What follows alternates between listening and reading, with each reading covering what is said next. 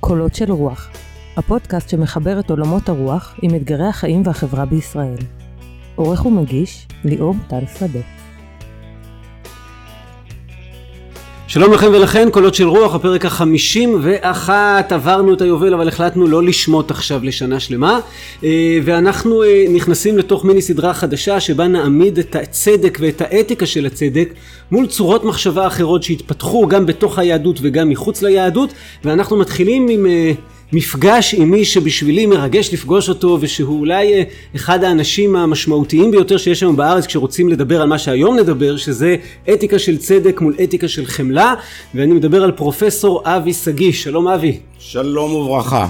אז אה, קשה לתמצת אבל נגיד ככה במילה שפרופסור אבי שגיא הוא ראש החוג ללימודי אה, לא ת... לא לא לא. כבר לא ראש התוכנית אני ייסדתי וניהלתי את זה קרוב ל-20 שנה אבל אני איש המחלקה לפילוסופיה ואיש המחלקה לפילוסופיה.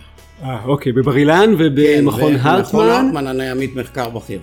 הבנתי. אוקיי, ואם תסתכלו, תחפשו קצת בוויקיפדיה, אתם תראו, נדמה לי, אני אולי, אם ספרתי נכון, הוא חיבר 24 ספרים וערך יותר מה מעשרה. מה פתאום, למעלה מ-40 ספרים. אוי, אז עשו לך עוול בוויקיפדיה. לא, אה, כי ויקיפדיה זה לא מקור שממנו צריכים ללמוד אה. ידיעה, זה למעלה, אני כבר לא סופר אותם, וגם לא סופר את הספרים שערכתי, יחד זה עובר את החמישים. אוקיי, אז אתם מבינים אולי, ואני חושב שחלק מהמגוון הרחב של תחומי ההתמחות שלו מגיע לנושא הזה שלנו היום, ובין היתר אה, באחד מספריו הוא כתב פרק שמוקדש לנושא הזה, תוכלו למצוא ביוטיוב הרצאות שלו בנושא הזה, אה, ואנחנו ננסה לפענח את המושגים המרכזיים ואת צורות המחשבה המרכזיות שקשורות לדבר הזה שנקרא אתיקה של צדק מול אתיקה של חמלה. נתמקד יותר באתיקה של החמלה כי פה החידוש שאנחנו רוצים אה, אה, להביא. קצת אה, תוך כדי נשווה לכמה מקורות יהודיים למרות שזה לא יהיה במרכז אה, וננסה לחבר לחיים ולראות אה, מה קורה. אני חושב שחלק ממה שיפה אה, אצל פרופסור שגיא זה ש... תמיד אתה מנסה, אני חושב, לחבר את זה לחיים של האנשים ולא להישאר שם במגדל למעלה. זה לא רק שאני מנסה לחבר לחיים, אני יוצא מתוך החיים. החיים הוא נקודת המוצא לכל עיסוקי האינטלקטואלי. וכשאני מדבר על החיים, אני מדבר על כל המעגלים שבהם אני, אבי שגיא, כאדם פרטי חי בהם. המרחבים המקומיים שלי, המרחבים ההולכים מתרחבים, עד לאותם מרחבים שהם כוללים את כל האנושות כולה. אבל נקודת המוצא שלי היא תמיד ראיית הפילוסופיה והמחשבה בכלל כסוג של דין וחשבון שבני אדם נותנים לעצמם על עולמם, מבקרים, שופטים, מייסדים את האוריינטציה שלהם בעולם. פילוסופיה איננה משחק שחמט. למרות שישנם פילוסופים שכך רואים את הפילוסופיה, אה, מורי ורבי שהוא היה מגדולי התלמידים של ניקולאי פון הרטמן והמסורת הקונטיננטה האירופאית, פרופסור ראובן גלעד, כשלמדתי אצלו בלימוד אישי עמוק מאוד, אמר לי בצעירותי, אבי תזכור, יש אינסטלטורים של פילוסופיה ויש פילוסופים. האינסטלטורים מזמינים אותם כשהמים לא זורמים. כשהמים זורמים עושים עם המים מה שצריך לעשות את החיים עצמם. כן, ואני חושב שגם יש מורים לפילוסופיה, אם הם טובים הם לא אינסטלטורים, ויש אה, פילוסופים בעצמם, אנשים שלא מסתפקים בללמד את מה שאחרים חושבים. טוב, אז אני מציע ניכנס לעניינים. בבקשה. אה, אז את רוב הדיבור נקדיש לנושא החמלה, אבל דווקא בגלל זה בואו נתחיל מצדק. כשאנחנו אומרים, עוד לפני אתיקה של צדק, את המילה צדק, למה אנחנו מתכוונים? בשימוש היומיומי שלנו במונח צדק אנחנו מדברים על שיטת ארגון חוקית שהיסודות הבסיסיים שמכוננים אותה זה שכל מי שחונה תחת המושג של צדק יש לו מעמד שווה. המחלוקות מסביב לצדק נוגעות לשאלה האם הצדק הוא אוניברסלי ומתעלם מהקיום הממשי של בני אדם, מהתרבות שלהם או מהחברה שלהם, או שהצדק הוא צורת ארגון של חברות ומעשה הוא לא צודק כאשר בתוך ההקשר החברתי פועלים לא באופן שווה. כן, אבל גם כך וגם כך נדמה לי בתוך ההקשר החברתי הוא אמור להיות עיוור, ל... הוא לא אמור להבחין בין משה לחיים, להפך, משה וחיים שווים, נכון? בדיוק מפני שהוא מציע את אותו מימד של שוויון. בני אדם הם שווים כבני אדם. ברגע שאתה מעמיד כל אחד מבני האדם כישים מסוימים, אין דרך לייצר שוויון. יש דרך לייצר, לייצג מערכות אחרות שהן יותר אינדיבידואליות, יותר שופטות את המקרה הפרטי, אבל צדק בעיקרון הוא חלוקה שווה. נתווכח על השאלה מי שותף לחלוקה ועד כמה היא שווה, אבל בעיקרון הצדק הוא עיוור לא בכדי אחד המיתוסים שהם מיתוסים מאוחרים זה שאלת הצדק עיני המכוסות. כי הצדק מחייב פעילות בהתאם לעקרונות של חוקיות שהיא חלה במידה שווה על העני ועל העשיר, על הגיבור ועל החלש והיא לא מבחינה ביניהם כי זה יסוד השוויון. בני אדם נבדלים זה בזה אבל בדיוק כשמגיעים אל המרחבים שבהם הצדק פועל השוויון הזה מחייב אותנו להתעלם וגם את זה צריך לתקן ולעדן, זו התפיסה הקלאסית.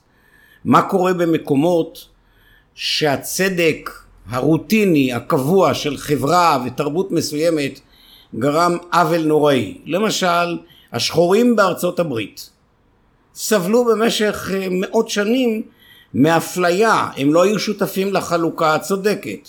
באופן דומה בישראל ובמסורת של העם היהודי נשים לא היו שותפים. היום קהילות אחרות, קהילות להט"ביות, תמיד יש מי שמודר מהצדק. כן. עכשיו אבל... הוא יכול להיות מודר משני טעמים שונים. הוא יכול להיות מודר מפני שלא מוכר, מוכרת חברותו בקהילה האנושית האוניברסלית, כי הוא עוד לא, או פחות מי, כן, זאת אומרת, העבד. אנחנו, אנחנו מכירים בצדק לכל בני אדם ולא רואים בו בן אדם. או, או רואים בו מופ, בן אדם מופחת, העבד כן. ביוון העתיקה, האישה, הלהט"ב, השחור, או שבתוך חברה מסוימת ותרבות מסוימת ההגמוניה של הצדק נתונה בידי צד אחד שנדמה לו שזה לא צודק להשמיט את זה ממנו ולתת את זה לזולתו. במקרים כאלה יש את הפעולה הצודקת של תיקון עוול. זאת אומרת ברגע שמזוהה עוול ותכף נדע אני אגדיר בצורה מדויקת מה זה עוול פעולת התיקון לפעמים גורמת לאפליה מתקנת. עוול הוא בניגוד לרוע הוא מעשה שנעשה על ידי בני אדם.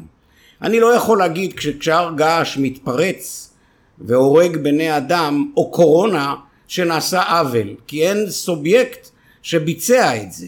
אני יכול להגיד שאושוויץ הוא מעשה של עוול. הצדק איננו בא לתקן את הרוע.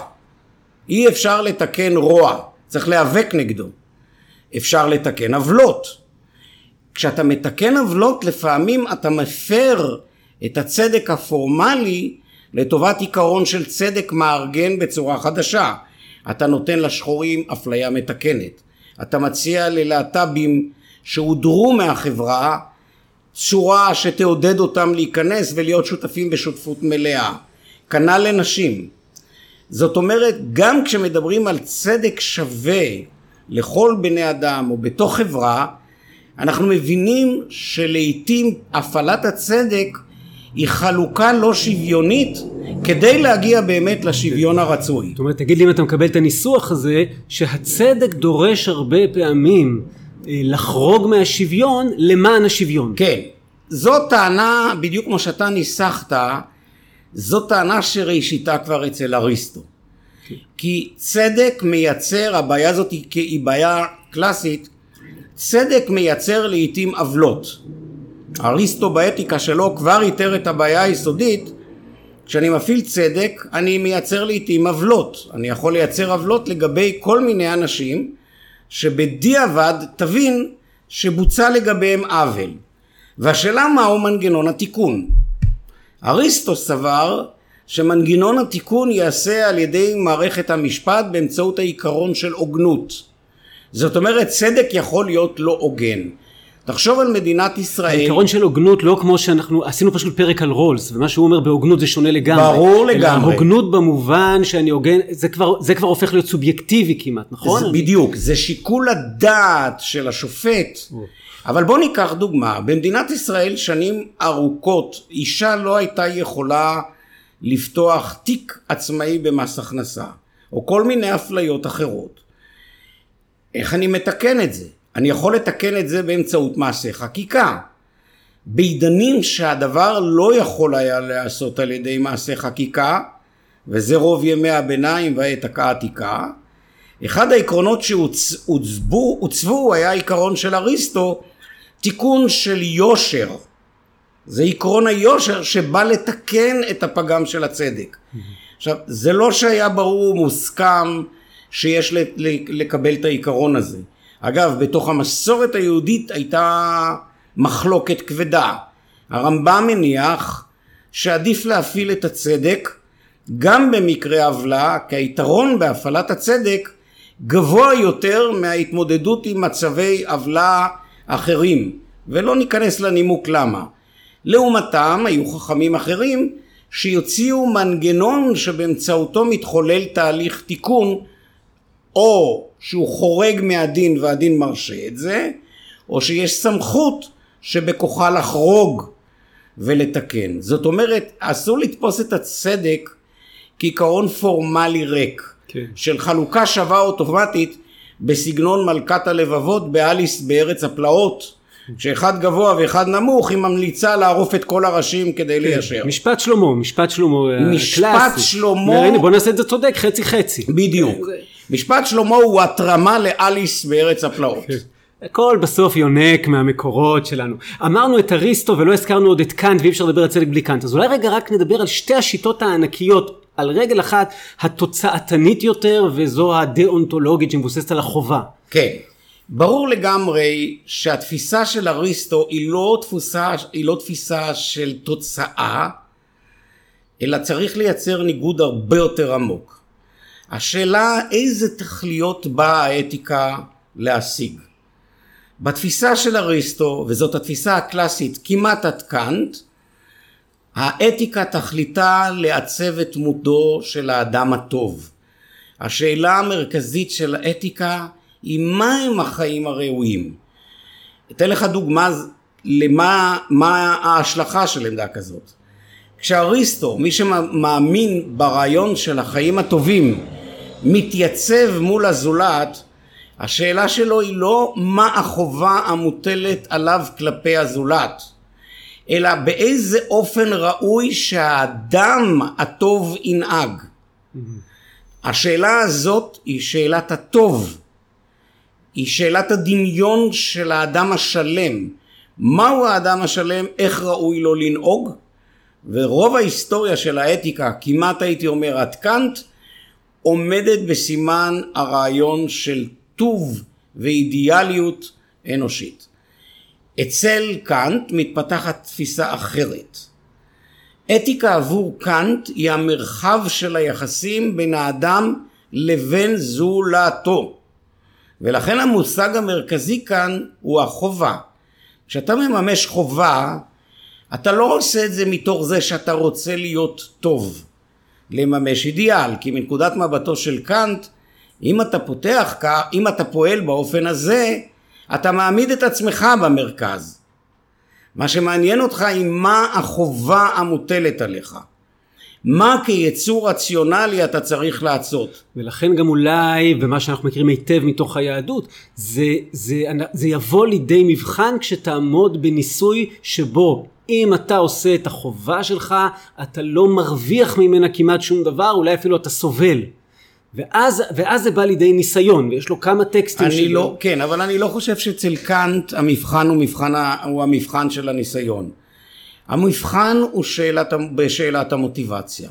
כן, אבל איך בוחנים את המוטיבציה? התשובה לשאלה הזאת, המבחן הוא מבחנו של האדם עצמו. קאנט השגיר בצורה העמוקה ביותר את הרעיון שהשופט חוץ מהתחום המשפטי, בתחום המוסרי, זה האדם את עצמו כיצור רציונלי, בגלל זה יש לו מצפון. המצפון עבור קאנט הוא ערכאת שיפוט עליונה שבו האדם שופט את עצמו, את ההנאה המוסרית שלו. שני בני אדם יעשו אותו מעשה. כן. האחד יעשה את זה מפני שהוא מתרגש ואכפת לו, ועבור קאנט זה פגום, כי הוא בעצם, כשהוא פועל כך, הוא פועל מתוך היפעלות של מה שקרה לו. הרגש והש... מכתיב לו, ואם הוא לא היה מרגיש כך הוא לא היה עושה כך. הוא לא היה פועל, והשני יפעל מתוך חובה, מתוך הכרת החובה שלפיה יש לכונן מערכת חובות רציונלית שהיא תקפה לכל בני אדם בכל המצבים, האדם הזה יפעל מתוך חובה, יפעל בהתאם לרעיון הכללי של היות האדם יצור אופציונלי שמסדיר את יחסיו עם זולתו בהתאם למערכת חוק. זה מעניין להשוות בין ה... קאנט, קאנט מפריד בין לעשות את החובה, לעשות בהתאם לחובה המוטלת עליי ולעשות מתוך החובה המוטלת עליי. בדיוק כך. זאת שאלת המוטיבציה, מעניין להשוות את זה ללשמה ולא לשמה. לא, זה ממש לא קשור. לא, למה? קודם כל... הרמב"ם אומר לשמה עושה האמת מפני שהיא אמת. כן, אבל בוא, בוא, בוא נבין מה זה לשמה. לרמב"ם, בשמונה פרקים ברמב"ם, באחד הפרקים שלו, היינו אותו ספר שהוא מבוא למסכת אבות, הוא מתמודד עם הטענה שאדם צריך לעשות את המצוות שבין אדם לחברו רק מפני שהאל ציווה. זוהי מסורת שולית בהלכה היהודית, שלפיה הטעם היחידי והבלעדי לקיום מצוות הוא צו האל. אלמלא האל היה מצווה לא, היה, לא הייתי עושה. הוא מצטט שם את אותו מקור חז"ל שמופיע בספרה, הספרה זה מדרש הלכה לספר ויקרא, מדרש קדום, שאומר כך, אל תאמר אי אפשי בחזיר, אלא אפשי ואפשי, ומה אעשה וקר גזר עליי בורי. כן, עם כל הדוגמאות, אבל מסוג מסוים, מה שאתה בטח עומד להגיע לזה, כן. הרמב"ם אומר שאם אדם פועל כך, שהוא אומר, אני הייתי רוצה לגנוב, לאנוס, ל- ל- ל- לרצוח, אבל צו האל מונע ממני, זה אדם שנפשו פגומה. כן. זאת אומרת, בתחום של היחסים שבין אדם לחברו, ראוי שאדם יפעל מתוך הבנתו העצמית. אגב, וזה הערת אגב אבל היא מאוד מאוד דרמטית, במסורת ההלכתית התגבשה במרוצת הדורות התפיסה שלפיה על מצוות שבין אדם לחברו אין ברכה. היינו אי אפשר להגיד על מצוות שבין אדם לחברו אשר קידשנו במצוותיו וציוונו.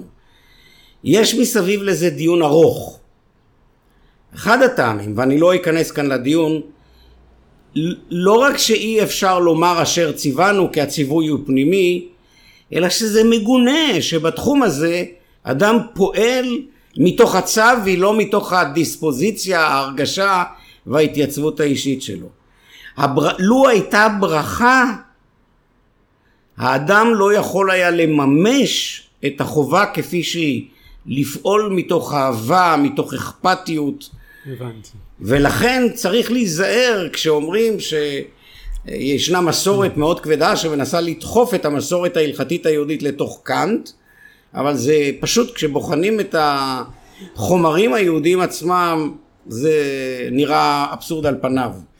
טוב, אז אמרנו שלא נעשה הרבה על צדק, אז אני חושב נתנו איזה שהם כמה אבנים כבדות של הבסיס, אמ, ואז צצה לה האתיקה של החמלה. אולי כדי להיכנס אליה אה, נקריא שיר קצר של יהודה עמיחי, שיר מאוד מוכר, אה, שאני חושב אה, פותח פתח לדבר על חמלה, והוא כותב ככה: מן המקום שבו אנו צודקים, לא יצמחו לעולם פרחים באביב.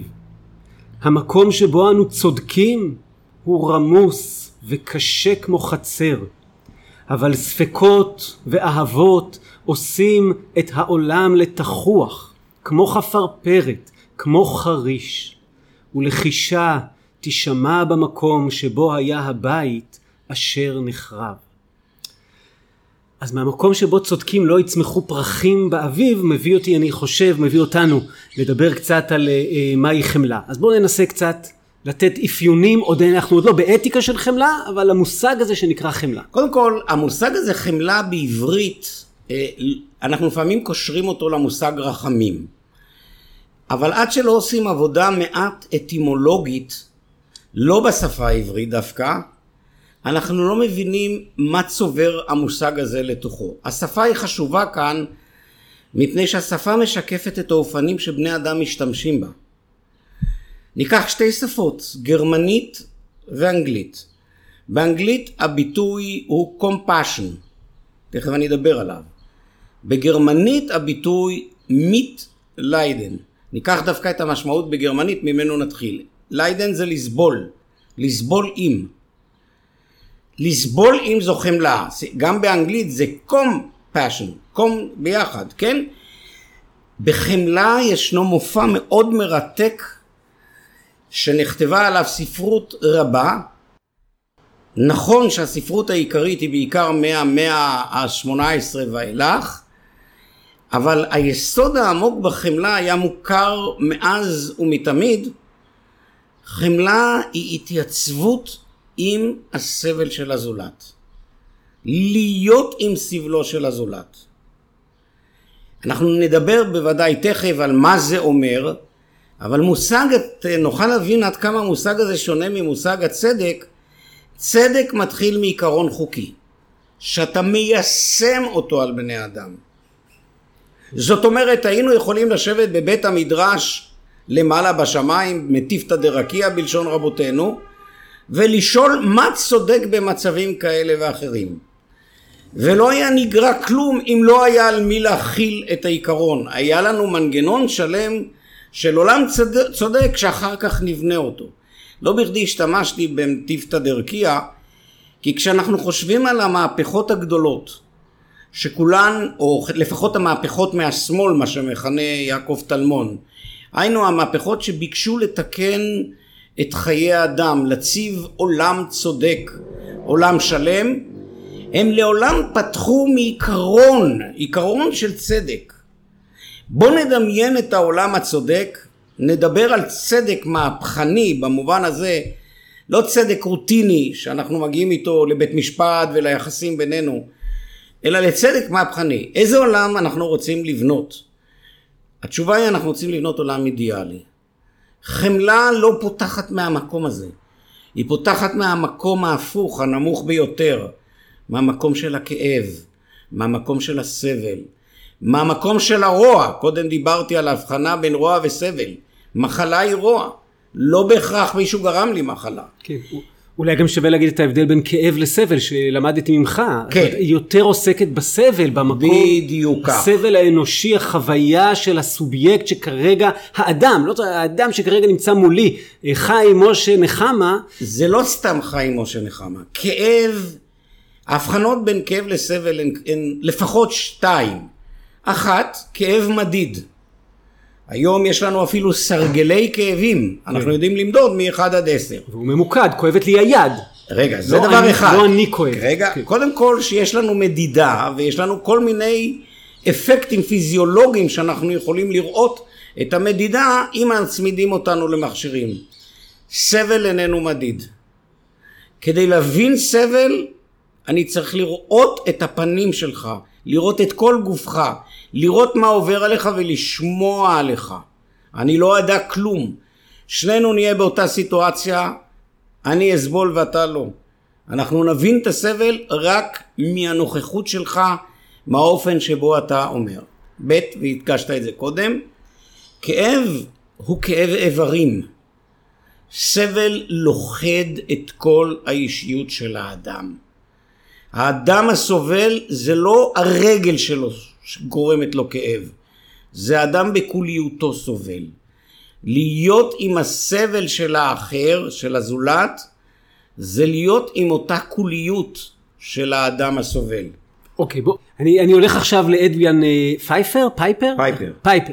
אדריאן פייפר, אה, הזכרנו אותה באחד הפרקים הקודמים, מי שיש לו זיכרון טוב יזכור, שמדברת על אה, שלב קוגניטיבי, שלב רגשי ושלב קונאטיבי, עוד שנייה נסביר לא להיבהל, אה, שהם בעצם מייצרים את החמלה, משתמשים בשלושת השלבים האלה בעוד דברים. ככה, קודם כל, אה, הבנה אמפתית של מצבו של אותו זולת ספציפי מסוים, אחרי שאני מבין בראש, זה הקוגניטיבית, ההבנה האמפתית הזאתי, אני צריך לחוות משהו, להרגיש משהו מהסבל של אותו אדם, וזאת שאלה איך אני יכול להרגיש את זה, עוד מעט נגיע בעזרת הדמיון, ואז אני ממש משנה את העמדה הראשונית הבסיסית שלי. מה שמכונה דיספוזיציה, מעמדה ניטרלית להירתמות לפעולה. אני עכשיו איתך באמת, אני איתך ואני מוכן לפעול, השלמתי את השלבים, אפשר להגיד שאני חומל עליך. כן, אי אפשר לדבר בכל מקטע על חמלה.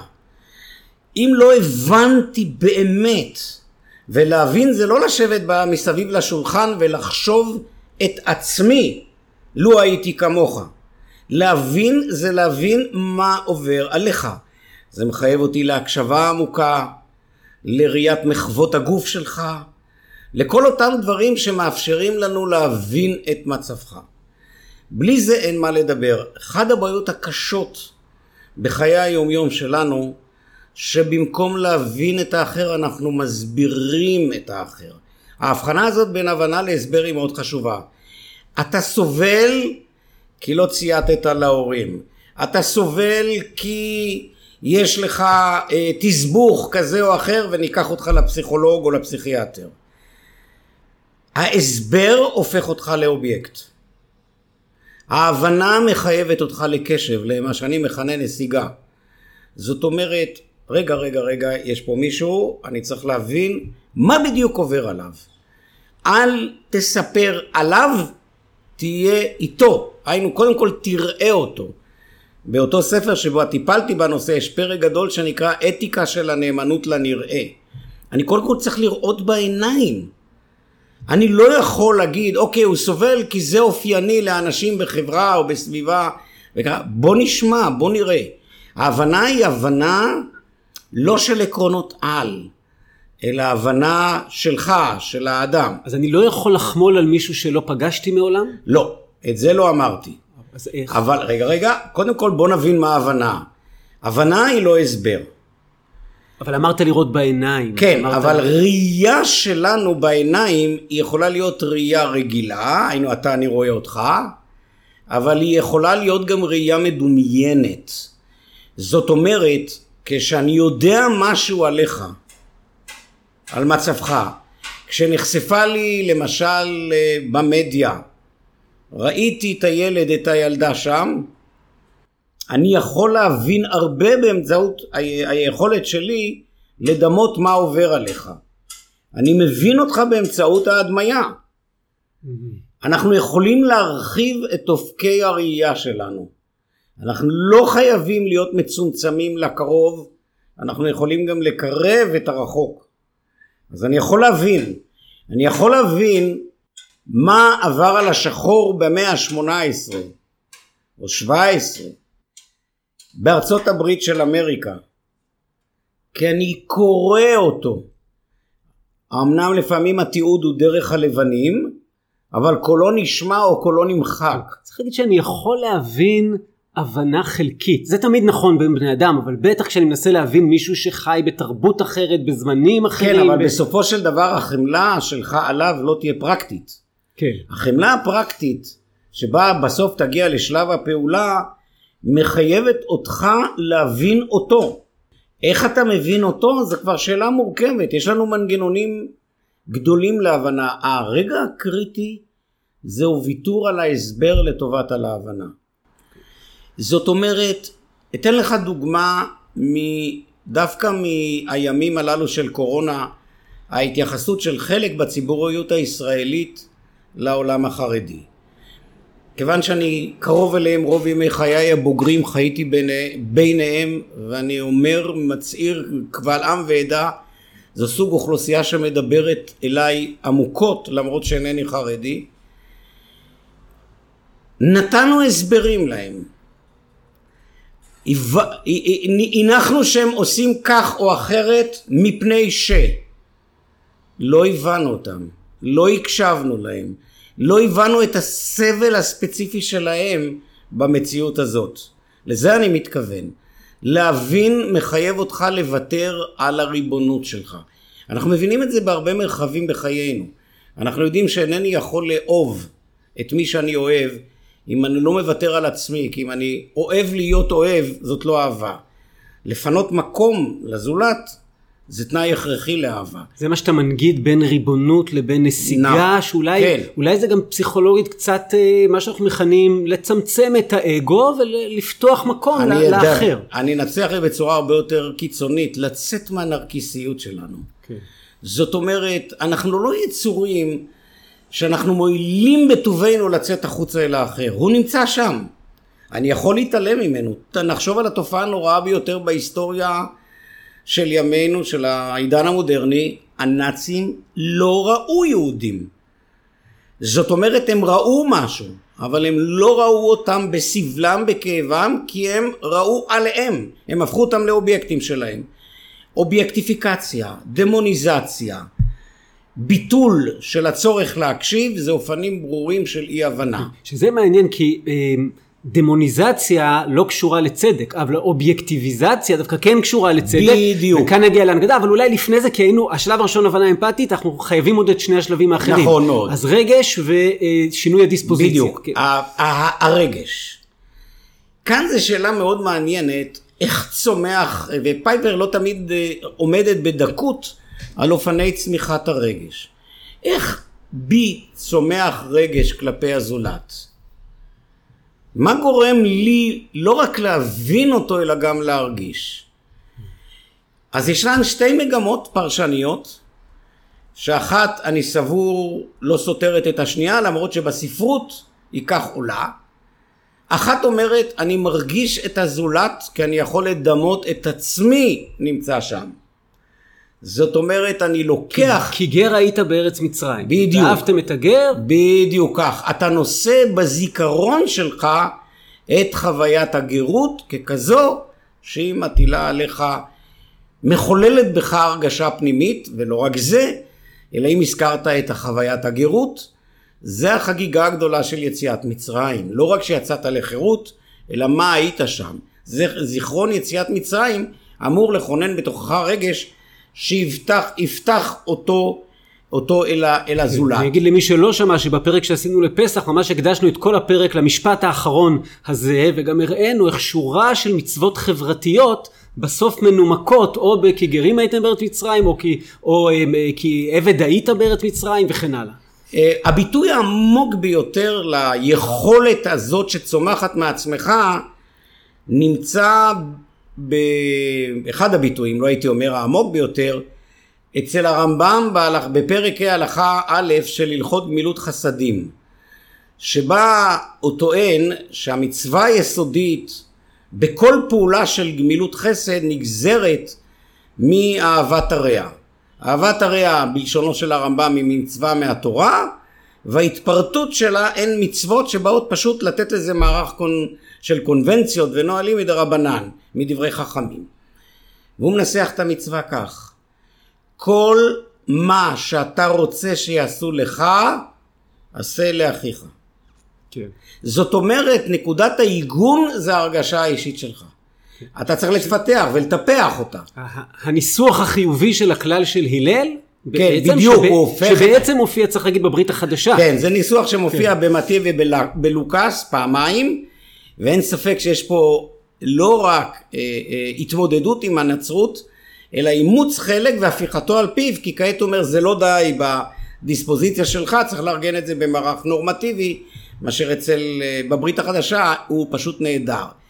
אבל זה הנקודה, אז זה מסלול אחד, שלפיה אני יכול לדמות את עצמי נמצא שם. ואז להרגיש. כן. אוקיי, מסלול שני. זה, לפני זה, זה זכה לביקורת כבדה, המסלול הזה, על ידי הרמן כהן, שבעצם דחה את הרעיון שמקורה של החמלה הוא הרחבת האני מתוך עצמו.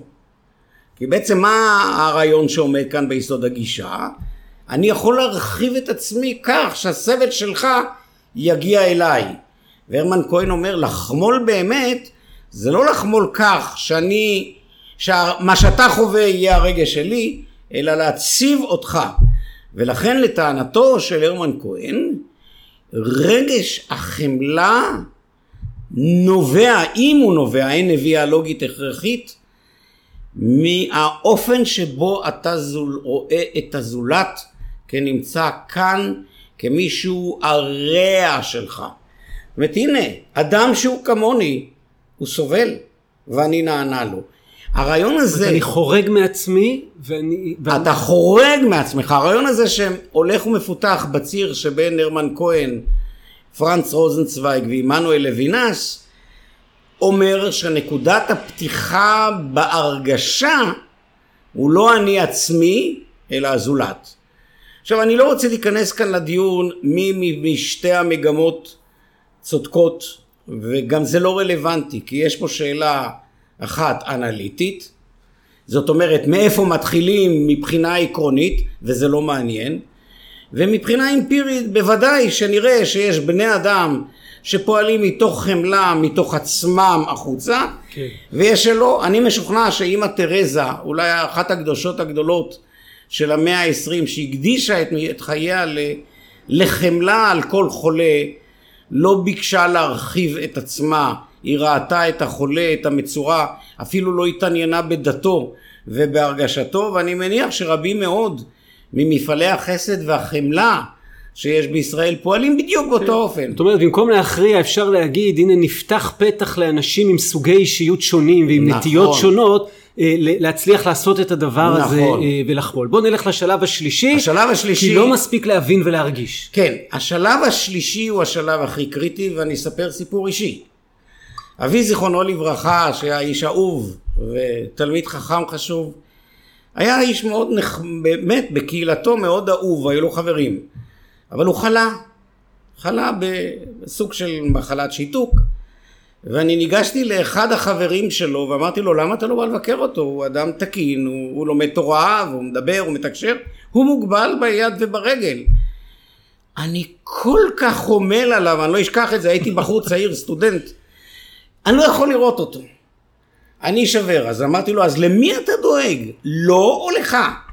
אולי זה גם יוביל אותנו להגיד מילה על מה זה חמלה ומה זה רחמים. כן, אבל, אבל לפני זה, זאת אומרת, המבחן של החמלה הוא לא פטפוט על חמלה. הוא לא מה, מה עושה הסבל לתודעתך, אלא לאיפה הוא מוביל אותך. חנה ארנדט הגדירה את זה כל כך יפה, חמלה היא לא פטפטנית. חמלה היא פעולה. אחר כך תיתן הסברים. אני חושב שאחד הדברים העמוקים שאלבר קאמי ברומן המופלא שלו הדבר הדגיש, הגיבורים, לא רק הרופא ראייה, אלא כל מי שמתגייס, הוא מתגייס כי יש סבל, כי יש חולי. אחר כך תיתן לעצמך דין וחשבון מה זה עושה או לא עושה לך. במובן הזה זה קצת אקזיסטנציאליסטי גם, כי זה אומר, עזוב אותי ממה הוא אמר. בוא, תסתכל רגע מה הוא עשה. אולי הנפילה של קאמי, שהוא פתאום מוצא את עצמו, לא קופץ למים. לא אקזיסטנציאליסט, התכוונת לאקזיסטנציאלי, אנחנו לא כן, עוסקים כן, בתיאוריות, כן, קיומי. כן, כן, קיומי. אין ספק שמופע החמלה מלמד דבר אחד, המופע על שלושת שלביו. הוא מלמד שגיבורי החמלה הם בני אדם ממשיים, לא חוקים, לא עקרונות, כי במקום שבו הצדק נמצא לא פורחים פרחים, אלא בני אדם שמתגייסים. מה לנו יותר גדול מזה? האם עובדי הניקיון והאחיות והאחים שהקריבו את עצמם במאבק בקורונה פעלו מתוך עקרונות? היה חלק, חלק. ייתכן. חלק. אבל חלק בוודאי שסיכנו את עצמם עד קלות ולפעמים בעולם שילמו בחייהם עשו את זה כי הם ראו את הסבל והניחו שחובתם לא לפטפט על הסבל אלא להתמודד איתו ולעשות איתו. אני רוצה להציע אה, בעזרת השפה שאתה, שכרגע פיתחת לנו אה, קריאה מחדש של סיפור שאמרתי לך שאני אביא אותו אמרת לי אבל יש מתאימים יותר אז אני רוצה להסביר למה אני מביא אותו שזה סיפור שנמצא בתלמוד על פלימו שהוא אה, מופיע כמה פעמים בתלמוד ונדמה לי שגם הזכרנו אותו באחד מחמישים פרקי הפודקאסט אבל אני כבר לא זוכר.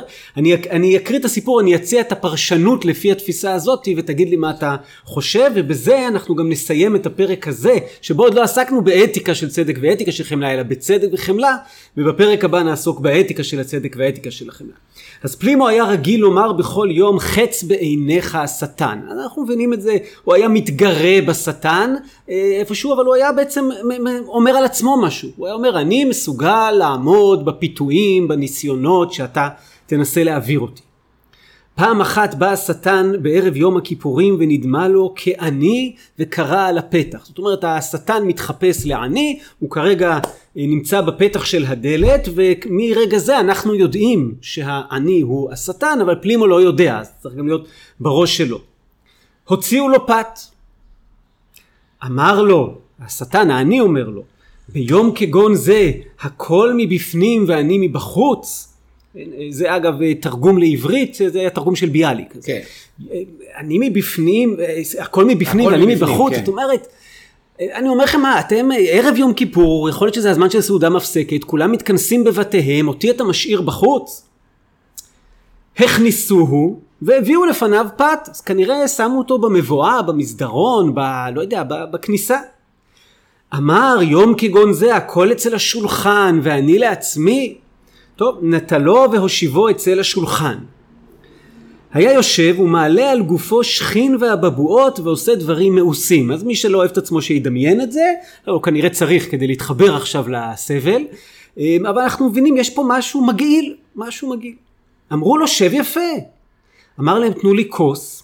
נתנו לו כוס, נתחמם והתחיל יורק לתוכו כיחו וניעו. במקום לשתות מהכוס הוא, הוא, הוא מוציא אה, לתוך הכוס. גערו בו.